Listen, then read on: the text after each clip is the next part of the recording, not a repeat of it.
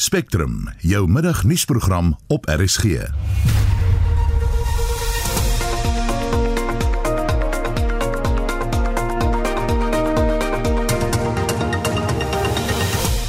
Spectrum vandag, die ACDP wil die inenting van kinders teen COVID stopsit.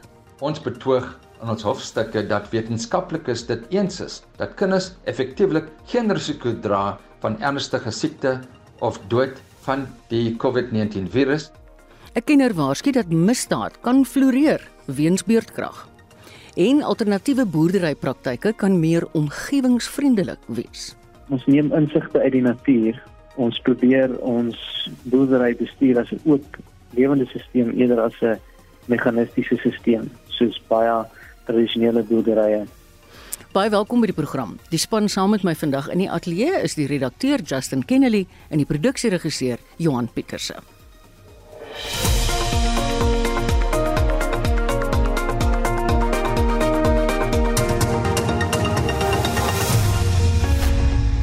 Eskom se bestuurshoof, Andre de Ruyter, het gister by 'n nuuskonferensie 'n donkerder prentjie geskets van 'n kragvoorsiener wat sukkel om volhoubare instandhoudingswerk te doen. Dit is weens sy gebrek aan geld, 'n tekort aan tegniese vaardigheid en munisipaliteite wat nie by die beurtkrag skedules hou nie. Dit 'n klerk doen verslag? Die ryter sê Eskom se bestuur het oor die afgelope 2 jaar deurlopend aangedui daar is 'n tekort aan tussen 4000 en 6000 megawatt wat tot die kragnetwerk toegevoeg moet word. Hy het beurs wat hernubare energie tot die netwerk kan byvoeg verwelkom en sê Eskom sal ook sy eie kapasiteit kan uitbrei met fondse wat beskikbaar is. Die ryter voeg egter by dat Eskom steeds reuse uitdagings in die gesig staar oor die verkryging van veral belangrike onderdele en om met die vervaardigers te onderhandel van oorspronklike toerusting om te verseker dat toerusting onderhou kan word. Die uitdagings word vererger deur die finansiële posisie waarin Eskom homself bevind, sê die ryter.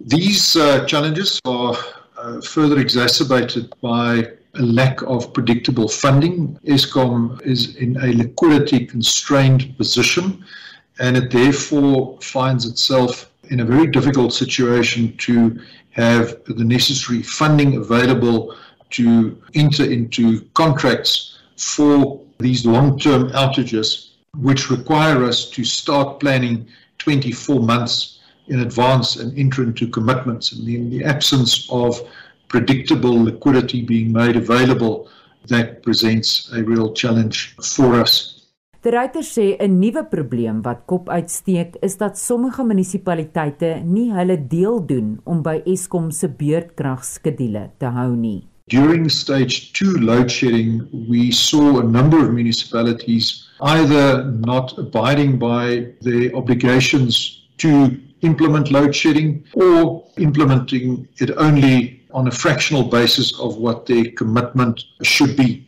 This has put us in a position where instead of the roughly 2000 megawatts that we would expect from load shedding stage 2 that we had to deepen our load shedding to stage 4. Hy het die eThekwini munisipaliteit in Durban uitgesonder as 'n munisipaliteit wat 100% by die beurtkragskedule gehou het en sê Eskom weet presies wie die skuldige munisipaliteite is en het met hulle in verbinding getree. Die ryter sê daar was verskeie uitdagings by die Letabo, Matumba, Kendal, Medupi en Kuiberg kragstasies. These have come on top of the roundabout 700 megawatts that we lost due to the generator explosion at Medupi 4 when hydrogen ignited and caused significant damage to the genset at that unit. Also, we had a transformer fire at Kendall Unit 1. Together, these outages have resulted in some 1,300 megawatts not being available. Hy sê Eskom se mees betroubare kragstasie is Letabo, maar slegs 3 eenhede was die afgelope 3 weke beskikbaar en dit het tot verliese van tussen 1500 en 2000 megawatts op die kragnetwerk gelei. By nog 'n betroubare kragstasie, Matimba, was daar ook uitdagings. We have had excessive vacuum losses. This is due to some procurement challenges on critical spares for our cooling fans. These have proved very difficult to obtain, and we have taken steps to augment and support management at that power station in order to ensure that we can recover as quickly as possible from those challenges. Die ryter sê fase 3 beurtkrag sal geld tot Vrydagoggend 5uur. Fase 2 beurtkrag sal dan ingestel word tot Saterdagoggend 5uur. Die ryter sê Eskom verstaan beurtkrag is 'n groot ontwrigting vir die hele land. We apologize for the negative impact that this has had not only on uh, business and industry but also in particular on uh, those students who are currently writing their matric exams. And we want to request the support and cooperation of everyone uh, who is an electricity consumer in South Africa to play their role in reducing demand. Hy sê hy is aangestel volgens die mandaat van die Eskom Raad en die raad het hom nog nie gevra om te bedank nie. Ek is Estie de Klerk vir SAK nuus. Die ACDP en burgerregte groepe het die Noord-Gautengse Hooggeregshof genader om die COVID-inenting van 12 tot 17 jariges te stop. Die ACDP LP, Steve Swart, sê dit druis in teen die kind se grondwetlike regte. Hy het die party se standpunt so aan Annelien Moses verduidelik. Die ACDP en verskeie drukgroepe is gekant teen die inenting van minderjariges. Ons betoog in ons hofstukke dat wetenskaplikes dit eens is dat kinders effektiewelik geen risiko dra van ernstige siekte of dood van die COVID-19 virus en daar gevolglik geen rede bestaan om kinders die COVID-19 enstof te gee vir hul eie veiligheid of gesondheid. Daar is toenemende bewyse wêreldwyd dat kinders wat geënt word teen die COVID-19 virus enstof beserings opdoen met sommige tragiese sterfgevalle ook in die besonder as gevolg van myokarditis, hartkwale.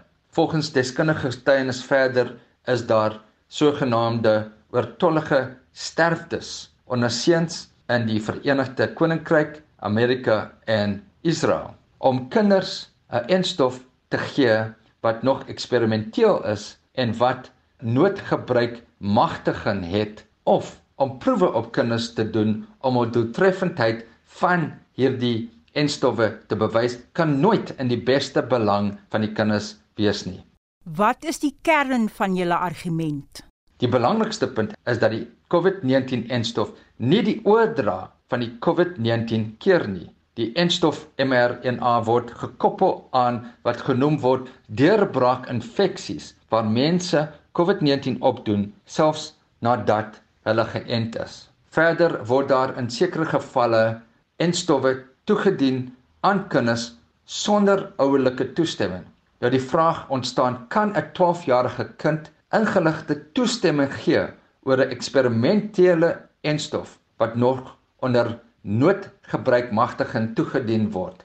Ons bevraagteken dit en daar moet baie meer inligting gekry word oor die langdurige neeweffekte van die COVID-19 enstof. Hoekom is julle van mening dat dit indruis teen 'n kind se grondwetlike regte?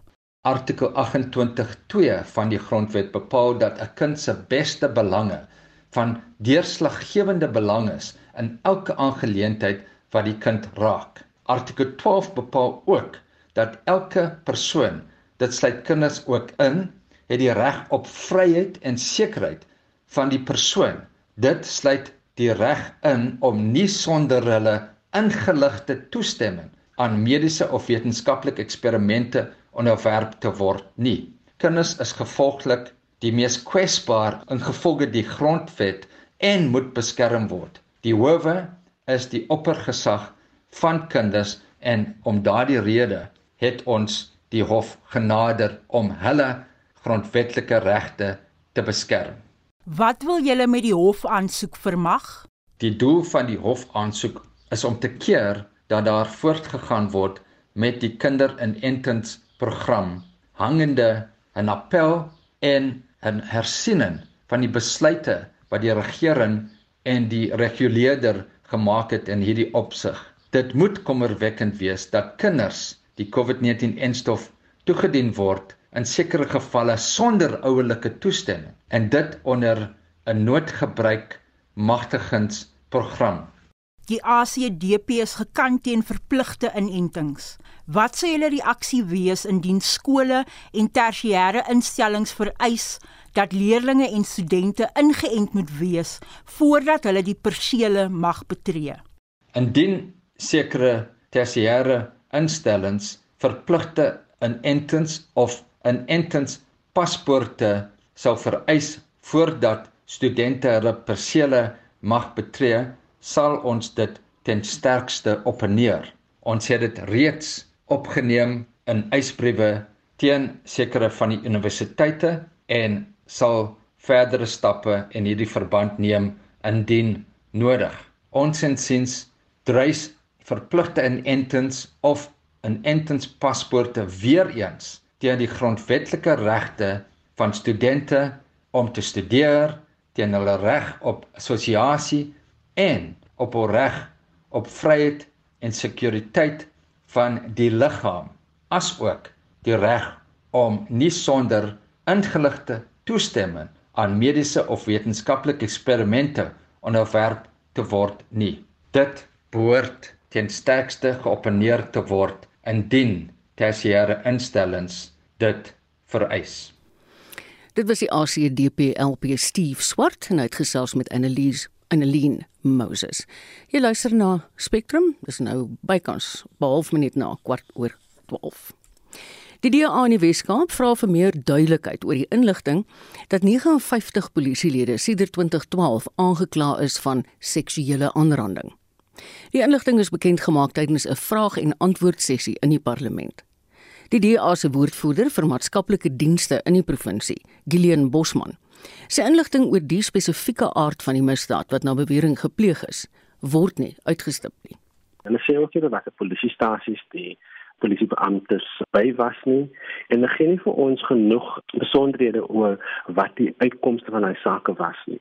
Een van die mees belangrike rolle wat die polisie het speel is om seker te maak dat ons die geveg teen geweld wen en as ons nie in die polisie kan glo as beamptenare wat die verantwoordelikheid het om hierdie groot probleme in Suid-Afrika te veg nie verloor ons al klaar die geveg al en as daar 59 beamptes is waar die self dissiplinêre stappe gevat het gee dit vir my groot bekommernis as selfs nie vir ons kan sê wat het gebeur was dit verkrachting wat was die besonderhede wat uit elke saak uitkom Hy sê hulle wil ook weet wat met hierdie beamptes gebeur het. Meer vrae in die verband is intussen aan die polisie gestuur en die kwessie van agterstallige DNS-monsters vir die kategorie misdade is ook aangeraak. Een van die grootste probleme by die Suid-Afrikaanse Polisie Diens vir Forensiese Laboratorium is dat hulle nie die tenders in plek het om die DNA-monsters te verwerk nie. Een van die grootste probleme is dat die toerusting wat hulle gebruik is nie geservice in die laaste 3 jaar nie en hulle het ook nie die geld vir die mengselmiddels wat hulle nodig het om die monsters te doen nie. So op die oomblik word dit almal met die hand gedoen en daar's geen proses wat dit vinniger sal gaan nie. So die DNS wetgewing help, maar dit is nog 'n lang tyd uit. Julle vra nou vir meer antwoorde, maar wat doen julle op hierdie stadium om hierdie probleem teen te werk? So ons werk gereeld saam met die Weskaapse minister van gemeenskapsveiligheid Albert Fritz en ons werk met leierskap by die forensiese laboratorium in Plattekloof om seker te maak dat sake opgespoed word. En een van die dinge wat die Weskaapse regering het, is ons het 'n court watching briefs program. So 'n um, sake van seksuele geweld of geweld teen vroue en kinders word deur die gemeenskapsveiligheidsdepartement gemonitor om seker te maak dat sake nie uit die hof gegooi word soms en meeste van die tyd soms van die sake van seksuele geweld word uitgegooi omdat die DNA resultate nog nie gereed is nie. Een van die ander dinge wat ons ook doen is die departement van gesondheid, maatskaplike dienste en die NPA werk saam in die Weskaap om seker te maak dat enige sake wat met kindermoord deel word onmiddellik na die Hooggeregshof toegeskuif. Dit was ideale woordvoerder vir maatskaplike dienste in die Wes-Kaap, Gillian Bosman. Hy sê dit reeds bykomende vrae aan die polisie gestuur en wag nog op antwoorde. Marlene Forsie is hy gaan nuus. Meeste Suid-Afrikaners is nou al hartlik moeg vir die beurtkrag wipplankeryery. Maar terwyl ons net gefrustreerd is, is daar wel 'n handjievol opportunistiese misdadigers wat die voortsleepende kragonderbrekings uitbuit. Dr. Johan Burger, 'n konsultant by die Instituut vir Sekuriteitsstudies, sluit nou by ons aan om hieroor te praat. Hallo Johan. Goeiemôre Marita. Hoe dink jy gaan beurtkrag die misdaadsyfer beïnvloed? Wel, Kom ek sê net eers dit, Marita, ons weet ons misdaadvlakke het in 2011 2012 begin styg vir al die gewelds uh, ernstige geweldsmisdade wat gewapende roof insluit uh uh en am, amper al sy kategorieë en dit is huisrowe, besigheidsrowe, uh, jy weet uh kontant transitoerowe en daai klas van goed. Ehm um, verlede jaar met die ehm uh, met die uh, uh inperkings wat ons gehad het, die streng inperkings mm. veral daar met mm. fases 4 en 5. Ehm uh, het misdade ongelooflik gedaal en ons het ge geweet destyds, die meeste van ons self wat hierdie goed dophou, dat dit nie volhoubaar is nie. En soos wat die vlakke uh, verlig is, ehm uh, het die misdaad weer begine uh, terugkeer na hulle oorspronklike uh, vlakke toe en ons sien nou reeds as jy na die eerste kwartaal hierdie jaar kyk, uh die nuwe finansiële jaar, uh dan uh, is is die meeste van hierdie uh stygings uh of of misdade reeds weer terug op hulle stygende uh uh koerse. So ehm uh, in daardie agtergrond moet ons nou na beerdkrag kyk. Beerdkrag uh uh is is is maar een uh ehm um, uh simptoom van die totale kragkrisis wat ons in land het. Die mm. kragkrisis dra verder by tot die ekonomiese klimaat wat wat eh uh, lei tot 'n uh, verdere werksverliese, armoedestygings. Dit skep ook weer 'n uh, enorme potensiaal vir misdaad.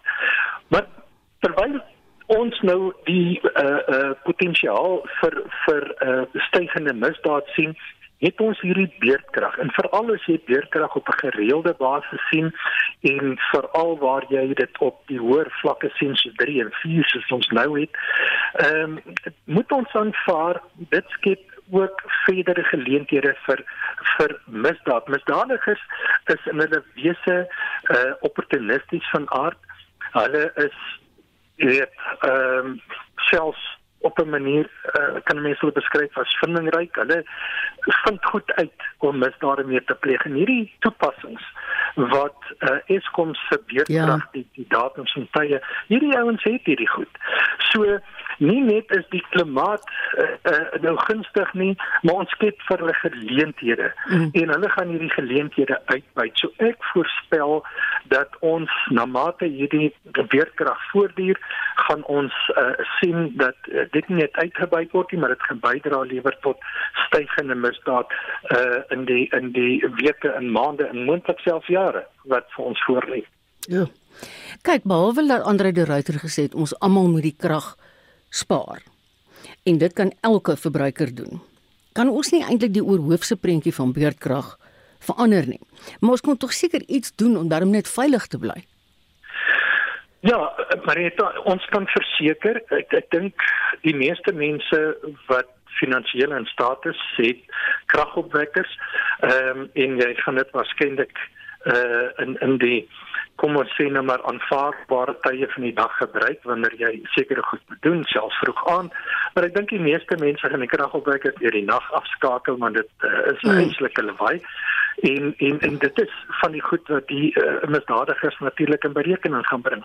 Maar selfs deur die dag wanneer jy of ek of wie ook al uh, jy weet by die by die werk is is jou huis uh, is daar gewoonlik niemand by die huis nie en jy mm. maak staat op jou elektroniese uh, alarmstelsels ja. uh jy weet veiligheids uh ehm um, uh instrumente wat jy by die huis het en as jou kragopwekker uh dan nie aan is nie dan hierdie goed se batterye is nie so sterk nie hulle gaan waarskynlik nie so lank hou nie uh so daar's allerlei implikasies So ek aanvaar dat mense wat finansiëel kan sal gaan kyk na alternatiewe kragbronne uh, wat meer uh ehm um, uh betroubaar is in mm. terme van kraglewering en dit beteken jy gaan moet nie net met kundiges gesels nie jy gaan met uh, geld spandeer daarvoor Die probleem is natuurlik vir die massas mense in die land wat nie die finansiële vermoëns het om daardie klas van alternatiewe kragbronne en alternatiewe veiligheids ehm um, stelsels in plek te sit nie wat geraak gaan word. Uh, Daar's natuurlik iets anders te ook en dit is dat weerkrag veroorsaak hierdie eislike ehm uh, verkeersknope. Ja. Dit het op sy beurt weer ernstige implikasies vir die polisie en vir 'n uh, eh, uh, veiligheidsmaatskappye in terme van hulle reaksietye. Mm. Hierdie is ook goed wat misdadigers in berekening gaan bring.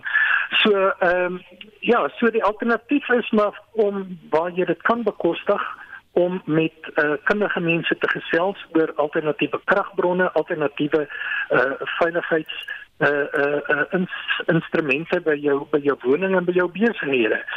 Ehm um, jy weet mense kan nog lank praat oor 'n klomp ander goed, maar ek sou sê dit is die die uh, roete wat mense in hierdie stadium waarskynlik sal moet volg. Ek het 'n baie klein winkelsentrum by naby my huis. En verlede jaar toe daar heelwat uh, donkertes was, het einste by een van hierdie ketting koswinkels het hulle gesteel en hom beroof. En weet jy wat was vir my baie oulik? Al die kliënte wat in die winkel was, het gehelp om die rowers vas te trek en toe daarna by die ingangshekke gaan staan na die parkeerterrein toe en net geweier om te gaan sodat almal eers klaar hulle inkopies kan doen. Dink jy dit sal help in dieselfde asem as daar meer polisie in sulke tye ontplooi word? Ja, verseker uh, Marita, kyk ons weet die polisie in hierdie tyd uh, nou nie hier op pad na die feestyd toe. Het hulle hulle hulle hulle jaarlikse feestyd operasie. Ek dink hulle het reeds in die begin van November ehm uh, begin met hierdie operasie en dit duur gewoonlik so tot in Januarie, mm. middel einde Januarie. So ek ek dink ons kan verwag en ons sien dit nogal 'n uh, 'n uh, uh, groter sigbaarheid wat die polisie aan betref my van die winkelsentrums se normaalweg doen hulle ontplooiings ook aan die hand van wat hulle 'n bedreigingsanalise noem. So hulle gaan kyk na winkels, winkelsentrums wat normaalweg meer geteken word vir ja. misdaad. En, en en en dit help. Dit het 'n impak, maar dit skei natuurlik uh, misdaad na die uh, winkelsentrums toe wat ehm um, wat nie normaalweg so hoë digtheidspolisierings ja. mm. uh, beskerming geniet nie. Maar uh, ek ek dink uh, jy weet die een ding wat my pla van die van hoe die polisie deesdae werk is ehm uh, 'n mens sou dink dat hulle ook beerdkrag in berekening bring wanneer hulle die beplanning doen vir hulle sigbare uh, patrollies. Aan die ander woorde waar hulle polisievoertuie rond beweeg. Dit help nie hulle patrolleer in die goed verligte gebiede waar krag uh, in daardie stadium aan is nie. Hulle behoort hulle aandag dan te skuif na die gebiede wat negatief geraak word deur deur weetkrag. Maar ek het nog nie gesien of gehoor dat hulle op daardie ehm um, kreatiewe wyse kyk na hoe sigbare polisie hierin gedoen word nie. Kan ek net ten slotte vra Johan, ons het nou in die vorige storie verwys na die 59 polisielede wat aangekla is van seksuele aanranding sedert 2012.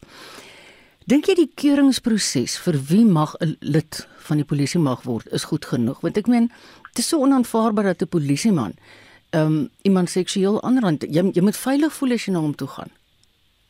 Ja, dit is dit is dis hartseer en dit is uh, ontstellend, jy weet om om die statistieke te sien ehm um, uh, jy weet jaarliks statistiek wat oopot vrygestel word. Ehm um, en, en en ek dink dis reg oor die keuringsproses en baie polisielede sal dit waarskynlik ontken, maar ons weet dat daar groot uh ehm um, korrupsie is in die wel miskien nou nie oral nie nee maar op baie plekke mm. waar mense gekeer word by werwingskantore. Uh, ons het in 'n stadium saam met uh, of vir die uh, uh, uh, polisie sekretariaat navorsing gedoen so klomp jare terug en en dit het uitgekom dat mense hulle pad letterlik kan inkoop in die polisie ja. deur 'n werwingsbeampte 'n uh, geld aan te bied en dan word daar ehm uh, sekere vereistes dan op sy geskuif en en so 'n uh, applikant word dan gehelp mm. om in die in die in die polisie in te kom. So kan jy nou dink die jy weet as jy met korrupsie jou pad in die polisie inkoop. ja, wat nee. kan jy nou van daardie nee. persoon verwag verder nee. aan in sy of haar loopbaan ja. in die polisie? En 'n mens moet ook vra, hoeveel jy weet uh, ek wens ons kan so ondersoek doen.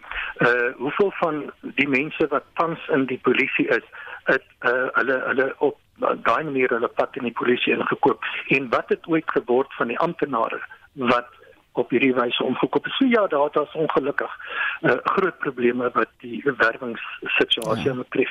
Baie dankie. Dit was dokter Johan Burger van die Instituut vir Sekuriteitsstudies. Nou na 'n heeltemal 'n ander onderwerp. Die kwessie van alternatiewe boerderypraktyke is opnuut by COP26 klimaatberaad aangeraak. Dit kom juis te midde van 'n wêreldwye tekort aan kunsmis en chemikalieë. Nou volgende jaar se COP-beraad gaan boonop die klem plaas op die landbousektor se rol in klimaatsverandering. Intussen rolspelers waarsku dat die oorgang na meer omgewingsvriendelike maniere van boer nie oornag kan gebeur nie. In Suid-Afrika word daar vordering gemaak met 'n meer gebalanseerde manier van boerdery. Die ZZ2 boerdery is die grootste sogenaamde natuurboerdery in die land. Marlenae het by 'n ekoloog van die maatskappy se natuurboerdery sentrum, Wiam Haddad, gaan hoor wat natuurboerdery behels. Natuurboerdery is 'n naam wat ZZ2 geregistreer het as 'n handelsmerk vir ons boerdery filosofie en dit kom daarop neer ons neem insigte uit die natuur ons probeer ons boerdery bestuur as 'n oop lewende stelsel eerder as 'n meganistiese stelsel soos baie tradisionele boerderye wel bestuur word. Ander terme soos herlewingsboerdery, bewaringsboerdery, organiese boerdery vang aspekte van natuurboerdery vas, maar ons is van die mening dat natuurboerdery meer omvattend is. Dit is 'n filosofie en uh, ek moet sê dit is nie organiese boerdery nie. Daar is steeds ruimte vir 'n chemiese intervensie hier en daar. Hy vergelyk die manier van boer met 'n gesonde leefstyl. As jy gesond eet, genoeg slaap, oefen en fiks bly, is die kans dat jy gaan siek word baie minder. Maar die dag as jy wel 'n operasie vir ding moet kry, wil jy nog steeds antibiotika kan drink of 'n chirurg kan gaan sien jy wil nie daai intervensie heeltemal uitskakel nie. By ZZ2 het die konsep dekades terug begin met die klem op grondgesondheid. Ons het 'n paar sleutelprodukte wat ons in staat stel om ons grondgesondheid beter te bestuur. En 'n sleutelproduk is kompos. Die vermoë wat ZZ2 ontwikkel het om kompos op 'n groot skaal te maak en toe te dien teen 'n koste-effektiewe stelsel is deurslaggewend want in die grond gee dit vir jou 'n buffer tyd met water. Dit gee vir jou ruimte vir voordelige mikroorganismes om te vestig en op 'n manier gee dit dan vir jou plante 'n beter immuunstelsel eintlik teen siektes en so aan. Die ander groot ding is geïntegreerde pes en plaagbeheer. Die vermoë wat mens kan ontwikkel met skelts om pesuitbrake so gou as moontlik te identifiseer en dan baie gerig en baie spesifiek intervensie te pleeg. Dit kan selfs chemies wees om daai pes te bestuur voor hy groot skade maak. Maar dit is 'n lang en omvattende proses wat uniek is aan elke boerdery en heelwat navorsing en samewerking verg. Weet jy twee is al meer as 20 jaar lank besig op hierdie natuurboerdery ontdekkingsreis. Ek glo nie ons sal ooit op die punt kom waar ons sê ons is nou daar nie. Ek, ek dink ook nie mense moet dit so eenvoudig sien as 'n praktyk of 'n meganisme waar jy glad nie chemiese dinge gaan gebruik nie. Die chemiese bestanddele of komponente wat beskikbaar is in die landboubedryf is baie waardevol en ek dink dit het die wêreld se samelewing gebring tot waar ons nou is oor die laaste paar dekades. Dit gaan daaroor gaan om chemie te sien as een van die baie bene waarop 'n volhoubare boerdery gebaseer is, maar om net ek wil amper sê wholesale chemiese goed toe te dien en al die ander dinge af te skeep en te vergeet en weg te laat.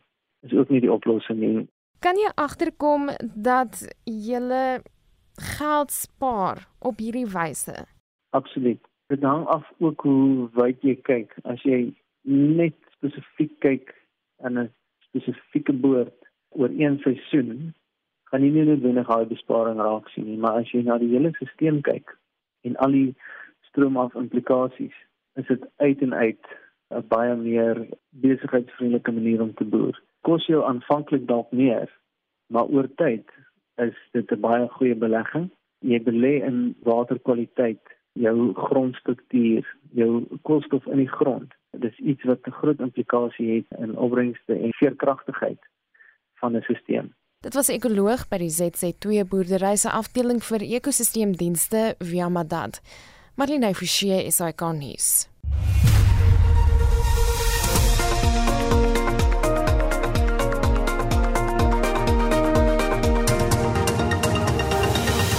In die tweede deel van vandag se Spectrum, twee Kaapse strande is steeds gesluit weens 'n rioolekkasie. We expect the water quality to recover very quickly, but the one challenge that we have around this issue is that getting results from water quality samples takes about 48 hours. Ons kyk die jongste oor die vordering van vlei land rehabilitasieprojekte in die stad. En 'n jong skrywer wen 'n Suid-Afrikaanse literêre toekenning. Ek het nie gedink ek sou wen nie. So ek was baie geskok toe ek nou sien uit die cruise het gewen. Moet nie die res van ons program misloop nie want daar kom heelwat verrassings.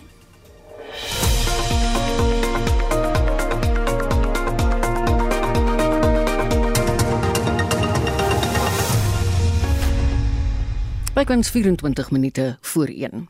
Die Kaapstadse Metro waarsku strandgangers dat die Seaforth en Waters Edge strande steeds gesluit is vir openbare gebruik.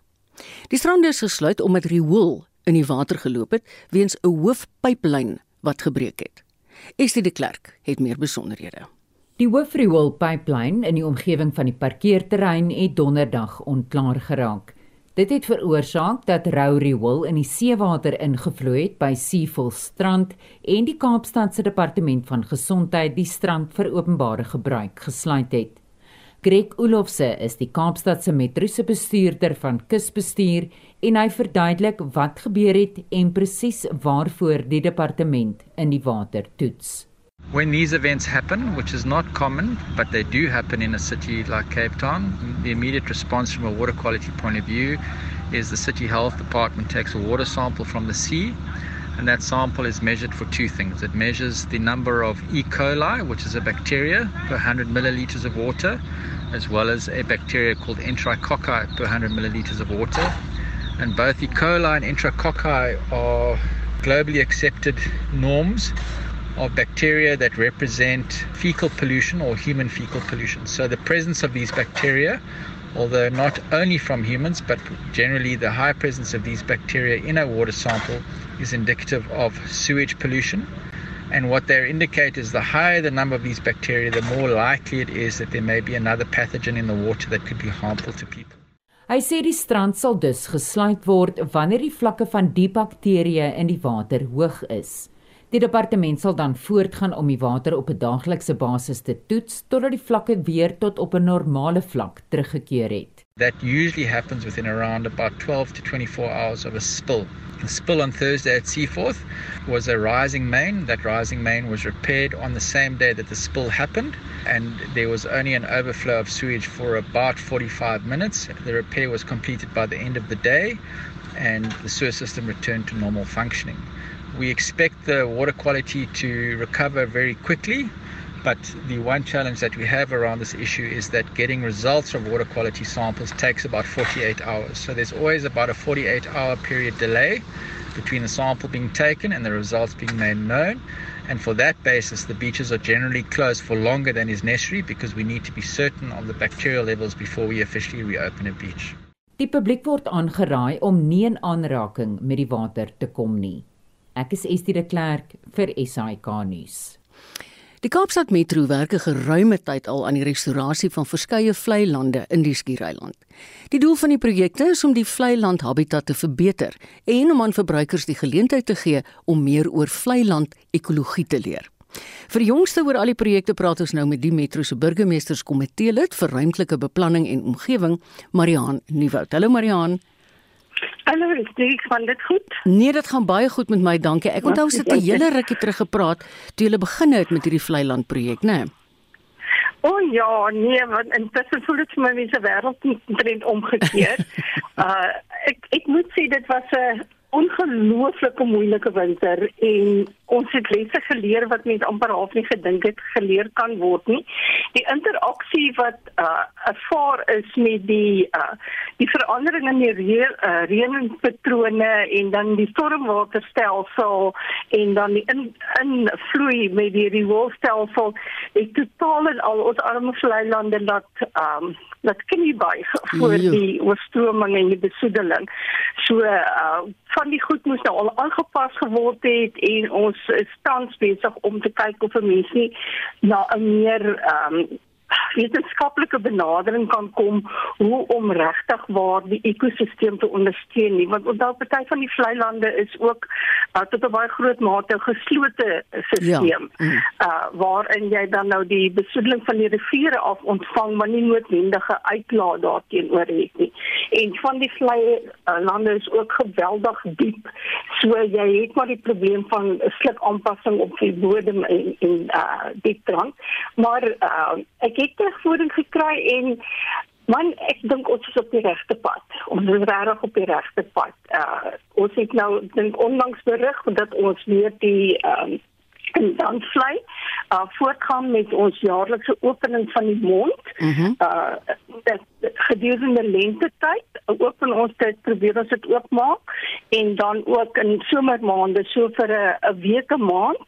Dit was nou oop gewees in November en dit sal nou weer in uh die 1 Desember oopgemaak word. Hmm. Sodat 'n mens dan daai uh, vloei het en die interaksie tussen die ehm um, die seelewe en uh, die ekologiese sisteme van die van die oseaan en dan ook die vlei land om daai kruisbestuiving ja. te kry sodat jy nuwe populasie kan kry uh, en dan ook miskien die uh, sout balans weer in die rivier want daai nou al die tyd net mos nou van binnelandswater mm. gekry wat dan nou weer ander uh, lewe in die uh, vlei land bevorder uh, waaroor ek regtig baie opgewonde is ons het uh, ek wil nie op hierdie stadium nou sê hoe ver dit is nie maar ons het nou 'n hidrologiese studie laat doen yeah. uh, by die vlei lande sodat ons regtig kan kom op 'n stelsel uh, waar jy uh, voorkomend kan werk en dan ook sekondêr vir uh, voorkomend so as daar weer uh, 'n interval is of 'n insident is mm. dat jy nie die, ek weet amper al magteloos toe kyk na uh, hoe dit besoedel word en jy kan dit nie keer nie. Ja. Uh, en ek het net vorige insit waar ek hulle nou gehoor dat die uh, stormwatermense en die rioolmense het nog gewerk aan hulle um, draineringsstelsel dit bietjie hoër gemaak sodat mense onmiddellik weet as die die deksel lig dat dit net oorstroom ja. nie.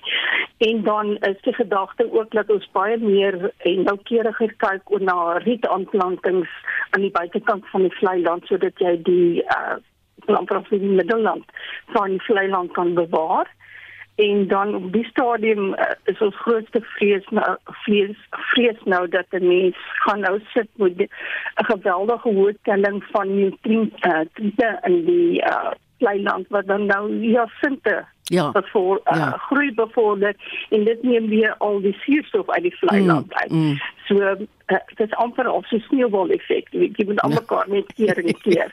Uh, maar as ons nou planne in plek het vir elke vleiland, sê ek nou vir jou, uh, gaan ons regtig aan die ander kant uitkom en ons gaan 'n gesonde stelsel hê. Marian, ek het nou vandag by jou iets geleer. Mense is altyd so bly as jy hoor hier in die binneland die Kaap kry reën in die winter, maar ek het nooit hier aan gedink nie dat dit eintlik vir julle 'n verskriklike uitdaging was om by julle beplande ontwikkeling te hou.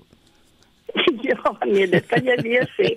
Uh ek meen ek ek self ek dink nie ons het uh Dit is steeds die navorsing gedoen het oor Kaapstad spesifieke risiko van klimaatsverandering. Jy weet wat selfs 'n paragraaf het wat gesê het maar ons reënval gaan verander en almal het aanvaar maar dit gaan droër wees, maar ek dink nie daar is mm. genoeg uh, aandag gegee aan hoe ons gaan reën kry ja, nie. Ja, ja. So ons kry baie reën, maar dis dis korter periodes en dit harde reën. Mm, mm. So dit is nie die, die tradisionele sagte reën wat in insink en spons nie. En dan is dit nou ek meen dit is nou die deel van hoe ons in die stad lewe, jy weet jy verhard soveel oppervlakte. Ja. So daai daai sagte watertjies wat geval het wat nou almal bymekaar kom het amper 'n snelweg af met die straat na die ja. volgende uh, uitlaat waar hulle moet ingaan. So nee, ek sê ek dink ons stormwatermense het lesse geleer hoor en ons help ook aan ons kant. Baie dankie Marihan. Dis Kaapstad Metro se burgemeesterskomitee lid vir ruimtelike beplanning en omgewing, Marihan Nieuwoud, wat met ons gesels het oor hierdie projek wat hulle mee besig is om hulle vlei lande 'n bietjie te ondersteun en te ontwikkel. Wetenskaplikes en veeartsenykundiges in die Wes-Kaap krap nog kop oor die groot aantal dooie robbe wat die afgelope weke langs die Weskus in die Wes-Kaap uitgespoel het. Die mede-bestuurder van Sea Search in die Wes-Kaap, Dr Tess Gridley, sê dis baie kommerwekkend. Sy het aan Joan Marie Verhoef verduidelik dat die verskynsel nie ongewoon is vir die tyd van die jaar nie.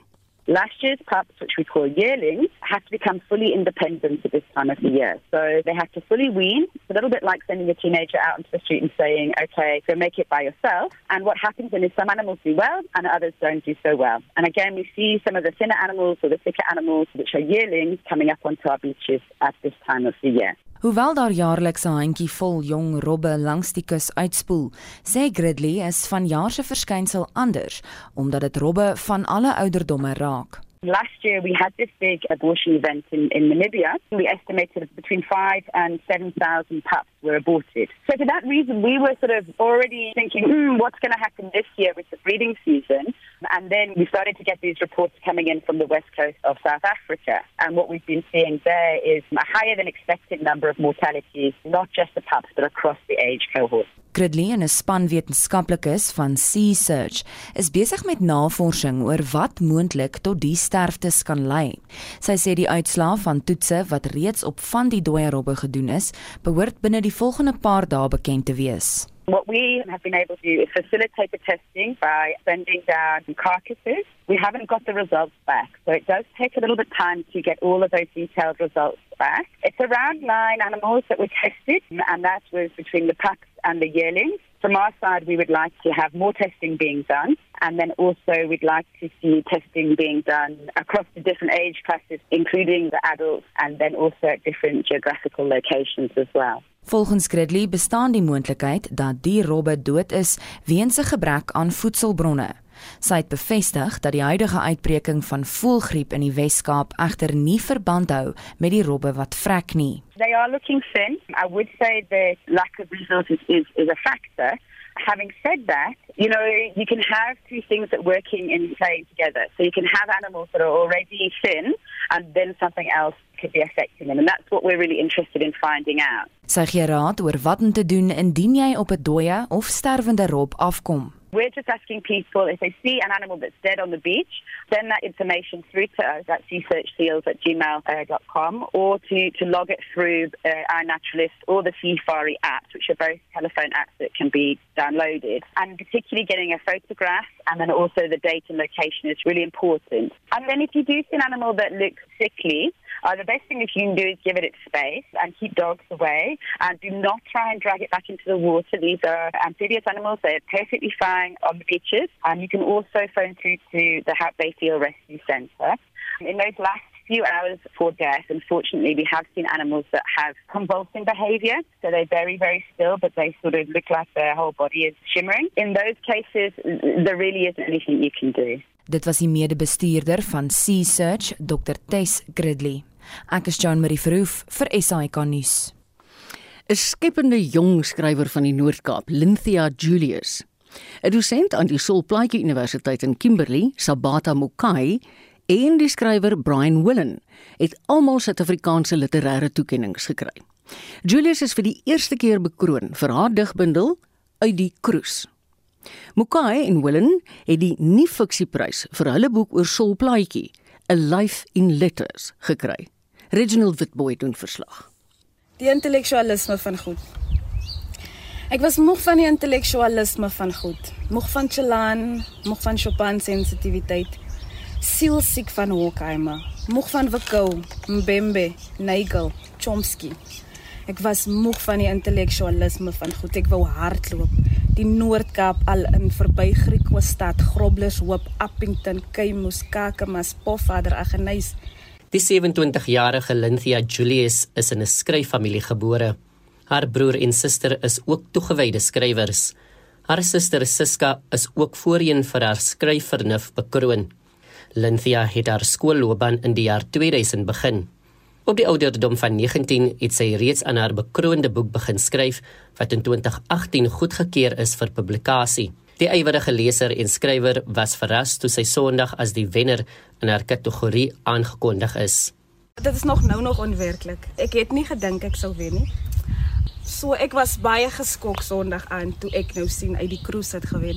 So dit moet maar nog steeds insink, maar dit is lekker om te weet jy het gewen. Julius verduidelik wat haar digbundel uit die cruise bevat. Uh, uit die cruise het baie jare gevat om te skryf. My dosent sê dis nie so lankie. Ek het begin toe ek 19 was en dit was toe 2013, dis eers uitgegee in 2020. En dit is vir publikasie aanvaar 2019. So ek het ook met prof Bernard Orendal baie gewerk met die gedigte. Daar's gedigte oor die geskiedenis van die land as soos 'n mens nou sal sê 'n born free in die land of 'n millennial soos die groot mense ons nou noem. Daar is oor die liefde, daar's oor jonk wees, daar's oor familie. En ek dink dit is maar so 'n mengelmoes van gedigte wat tot my leefwêreld deel van gemaak het en dis toe op die ou en toe die boek geskryf is. Sy verduidelik verder dat daar 'n leemte in letterkunde is wanneer dit by die Afrikaans kom wat in die Noord-Kaap gepraat word. Ja, ek voel daar is nie byvoorbeeld ek is eers 2011 matriek by Hoërskool Noord-Kaap in Kimberley. En ons het vandat ek graad 1 was wat 2000 is, totdat ek matriek was, het ons nie een keer 'n gedig of 'n kort verhaal of roman behandel met iets in van Oranje rivier Afrikaans. En dit sê baie. So ek dink daar moet baie meer geskryf word in Oranje rivier Afrikaans om kan 'n groot deel van die literêre kanon uit te maak. Maar ons is besig daarmee hier's nou baie Oranje rivier Afrikaans in my boek in en ek dink dis die regte stap, maar ek sou graag wou op skool gelees het van iemand wat praat soos iemand in Appington of in Grootdrink. Aan die ander kant van die dorp is die Solplaatjie Universiteitsdosent en skrywer Sabata Mokai ewe bly omdat hy in sy kategorie gewen het. Sy boek handel oor die ontslape politikus en skrywer Sol Plaatjes life in letters. And every time a book has been entered for this award, I always expect the worst. If you remember well, the last one before this one, we had a, an official of the Department of Sport, Arts and Culture going to receive it for me. And this one was done virtually. So I'm glad that they happened from a distance just in case I don't win and I don't know how I'll feel, you know. But now I said to my co editor and compiler, Professor Brian William, that we have been winning a couple of awards. We can give other people a chance. And he said to me, No, this one is for Sol Plaki. It's not for us. Mokai sê hulle moes die boek saamstel, siende dat Sol Plaki sy eie storie geskryf het voordat hy gesterf het. Solplaki has written a lot of letters, and most of these letters are in the public domain. So they are in the archives in America, in Britain, in South Africa, in Botswana. If we put these letters together in one book, we'll realize that through these letters, he has written his life story. And that was where we began. And then we went to the archives to look for whatever letters Solplaki wrote. We went to Vets historical papers, we went to UNISA, National Library of South Africa, and so on. And we started categorizing these letters by years. Julius is tans besig met haar tweede boek terwyl Mokai en professor Wilson met nog 'n boek oor die lewe van Solplaatjie besig is. Hulle hoop dat dit in 2023 gepubliseer sal word. Ek is Reginald Witboy in Kimberley. En jy weet gewoonlik Spectrum staan einde se kant toe as ons kom by die sake nuus. Vandag se sake nuus word aangebied deur Robert Cameron, portefeuljebestuurder van Fisher Dugmore Sekuriteit. Hallo Robert. Ah, goeiemôre Marieta, goeiemôre luisteraars.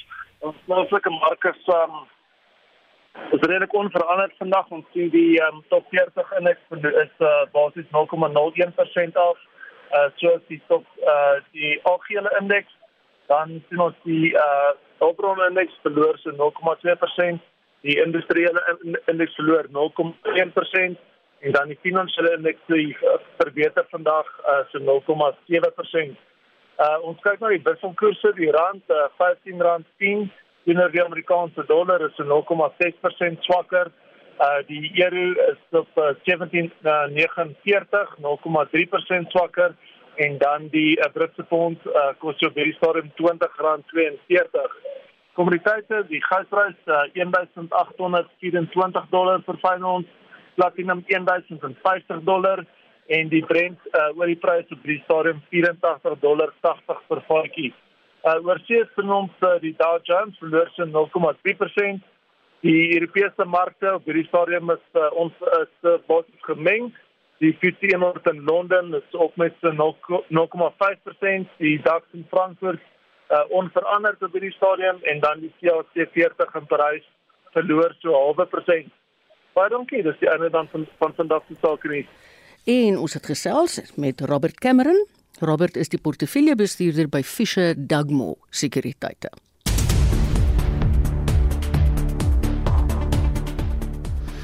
By my in die ateljee is Joan Marie Verhoef. Sy gee vir ons 'n blik oor die dag se ontwikkelende nuus. Goeiemôre. 'n Handvol opportunistiese misdadigers is maar te bly dat Eskom beerdkrag toepas. Dit gee hulle geleentheid om hulle misdade in die donker te pleeg en boonop kan hulle danksy 'n beerdkragrooster hulle misdade noukeurig beplan. 'n Konsultant by die Instituut vir Sekuriteitsstudies, Dr. Johan Burger, het vroeër hieroor met Spectrum gepraat misdadigers is in hulle wese opportunisties van aard. Hulle is op 'n manier vindingryk. Hulle vind goed uit om misdade mee te pleeg. En hierdie toepassings, hierdie ouens het hierdie goed. So nie net is die klimaat uh, nou gunstig nie, maar ons skep vir hulle geleenthede en hulle gaan hierdie geleenthede uitbuit. So ek voorspel dat ons na mate hierdie beerdkrag voortduur, gaan ons sien dat dit bydra lewer tot stygende misdaad in die weke en maande en moontlik selfs jare wat vir ons voorlê dan het Monitor môreoggend 'n insetsel oor die stand van sake in Middelburg. Die gemeenskap sit met hulle hande in hulle hare weens die verval van 'n dorp wat vroeër bestempel is as een van Mpumalanga se spogdorpe. Luister 'n bietjie wat sê die redakteur van die Middelburg Observer, Toby van der Berg. Dis 'n humanitêre krisis wat besig oor die dorp te gebeur. Die rook hang oor die dorp soos hulle van die vullis aan die brand gesteek het. Die dorp is een groot ashoop. Daar's massiewe slaggate. Drie voertuie is in die brand gesteek. Daar's geweldige sabotasie op die dorp. Een van die brandweer manne weet ek wat in sy private danigheid uitgaan het om te gaan probeer help Vrydag. Hulle kon nie want die tankslange is gestop. Daar is soveel sabotasie. Dit is net absoluut skrikwekkend. Skakel môre oggend in by Monitor vir die volledige bydrae. In die Oos-Kaap wag die familie van 3 kinders wat verlede week dood is nadat hulle noedels by 'n Spaza winkel in Motherwell gekoop en geëet het, steeds vir die uitslae van 'n nadoodse ondersoek. Twee sissies van 7 en 11 jaar oud en hulle 4 maande oue boetie is al drie dood nadat hulle van maagkrampe en naait gekla het. In ander nuus blyk die gerugte dat mevrou SA Lalela Mswane uit die mevrou heelal kompetisie onttrek het vals te wees. Daar word egter al hoe meer druk op die mevrou SA organisasie gesit om die internasionale skoonheidskompetisie wat in Desember in Israel gehou word te boikot. En ons bly by Israel waar argeoloë 'n antieke ring ontdek het wat vermoedelik gedra is met die doel om 'n babbelas af te weer. Die goue ring met 'n pers ametisteentjie in is in Jaffna ontdek in 'n gebied wat bekend was vir grootskaalse wynmakery. Nou argeoloë beweer die ring was 'n aanduiding van status en rykdom en is deur mans en vroue gedra om die neeweffekte van alkohol te voorkom. Ek moet jou sê Jan Marie, ek kan dink aan 'n klompie van ons wat baie graag van daai ringe sou wou bestel. Wat dink jy? Is hier nie vir ons 'n sake geleentheid nie? Daar's 'n of twee van hulle in die kantoor vandag wat miskien met so 'n ringetjie kan oor die weg kom. Daai was 'n jolly interessante ding wat jy nou daar vir ons vertel het. Ons kom aan die einde van vandag se Spectrum. En al die mense wat gehelp het vandag, as ek dink aan Estie de Klerk, Marlene Forsie, Marlene Forsie, jy Joan Marie. En ons het so baie mense wat regtig waar eintlik agter die skerms werk en dan kry ons lot wat hier in die ateljee is elke dag al die palmtakke en hosannas en dis dis die minste want julle werk die hardste. So baie dankie, dankie vir daai opsomming van vandag se program. Onthou gerus as jy laat ingeskakel het of jy het iets ergens gehoor in Spectrum Monitor naweek aktueel en jy wil nog die hele onderhoud hoor.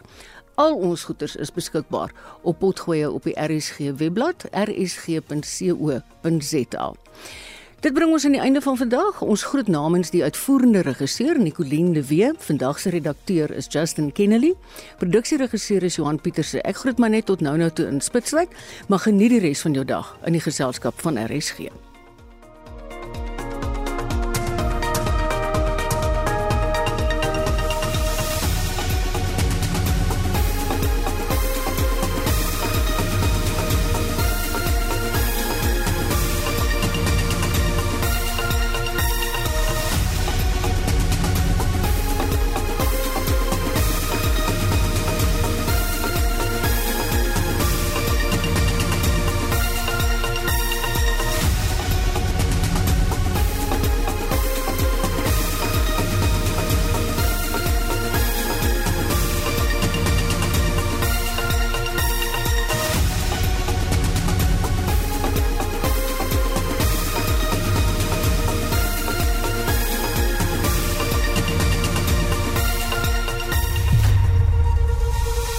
SAK nuus. Onafhanklik, onpartydig.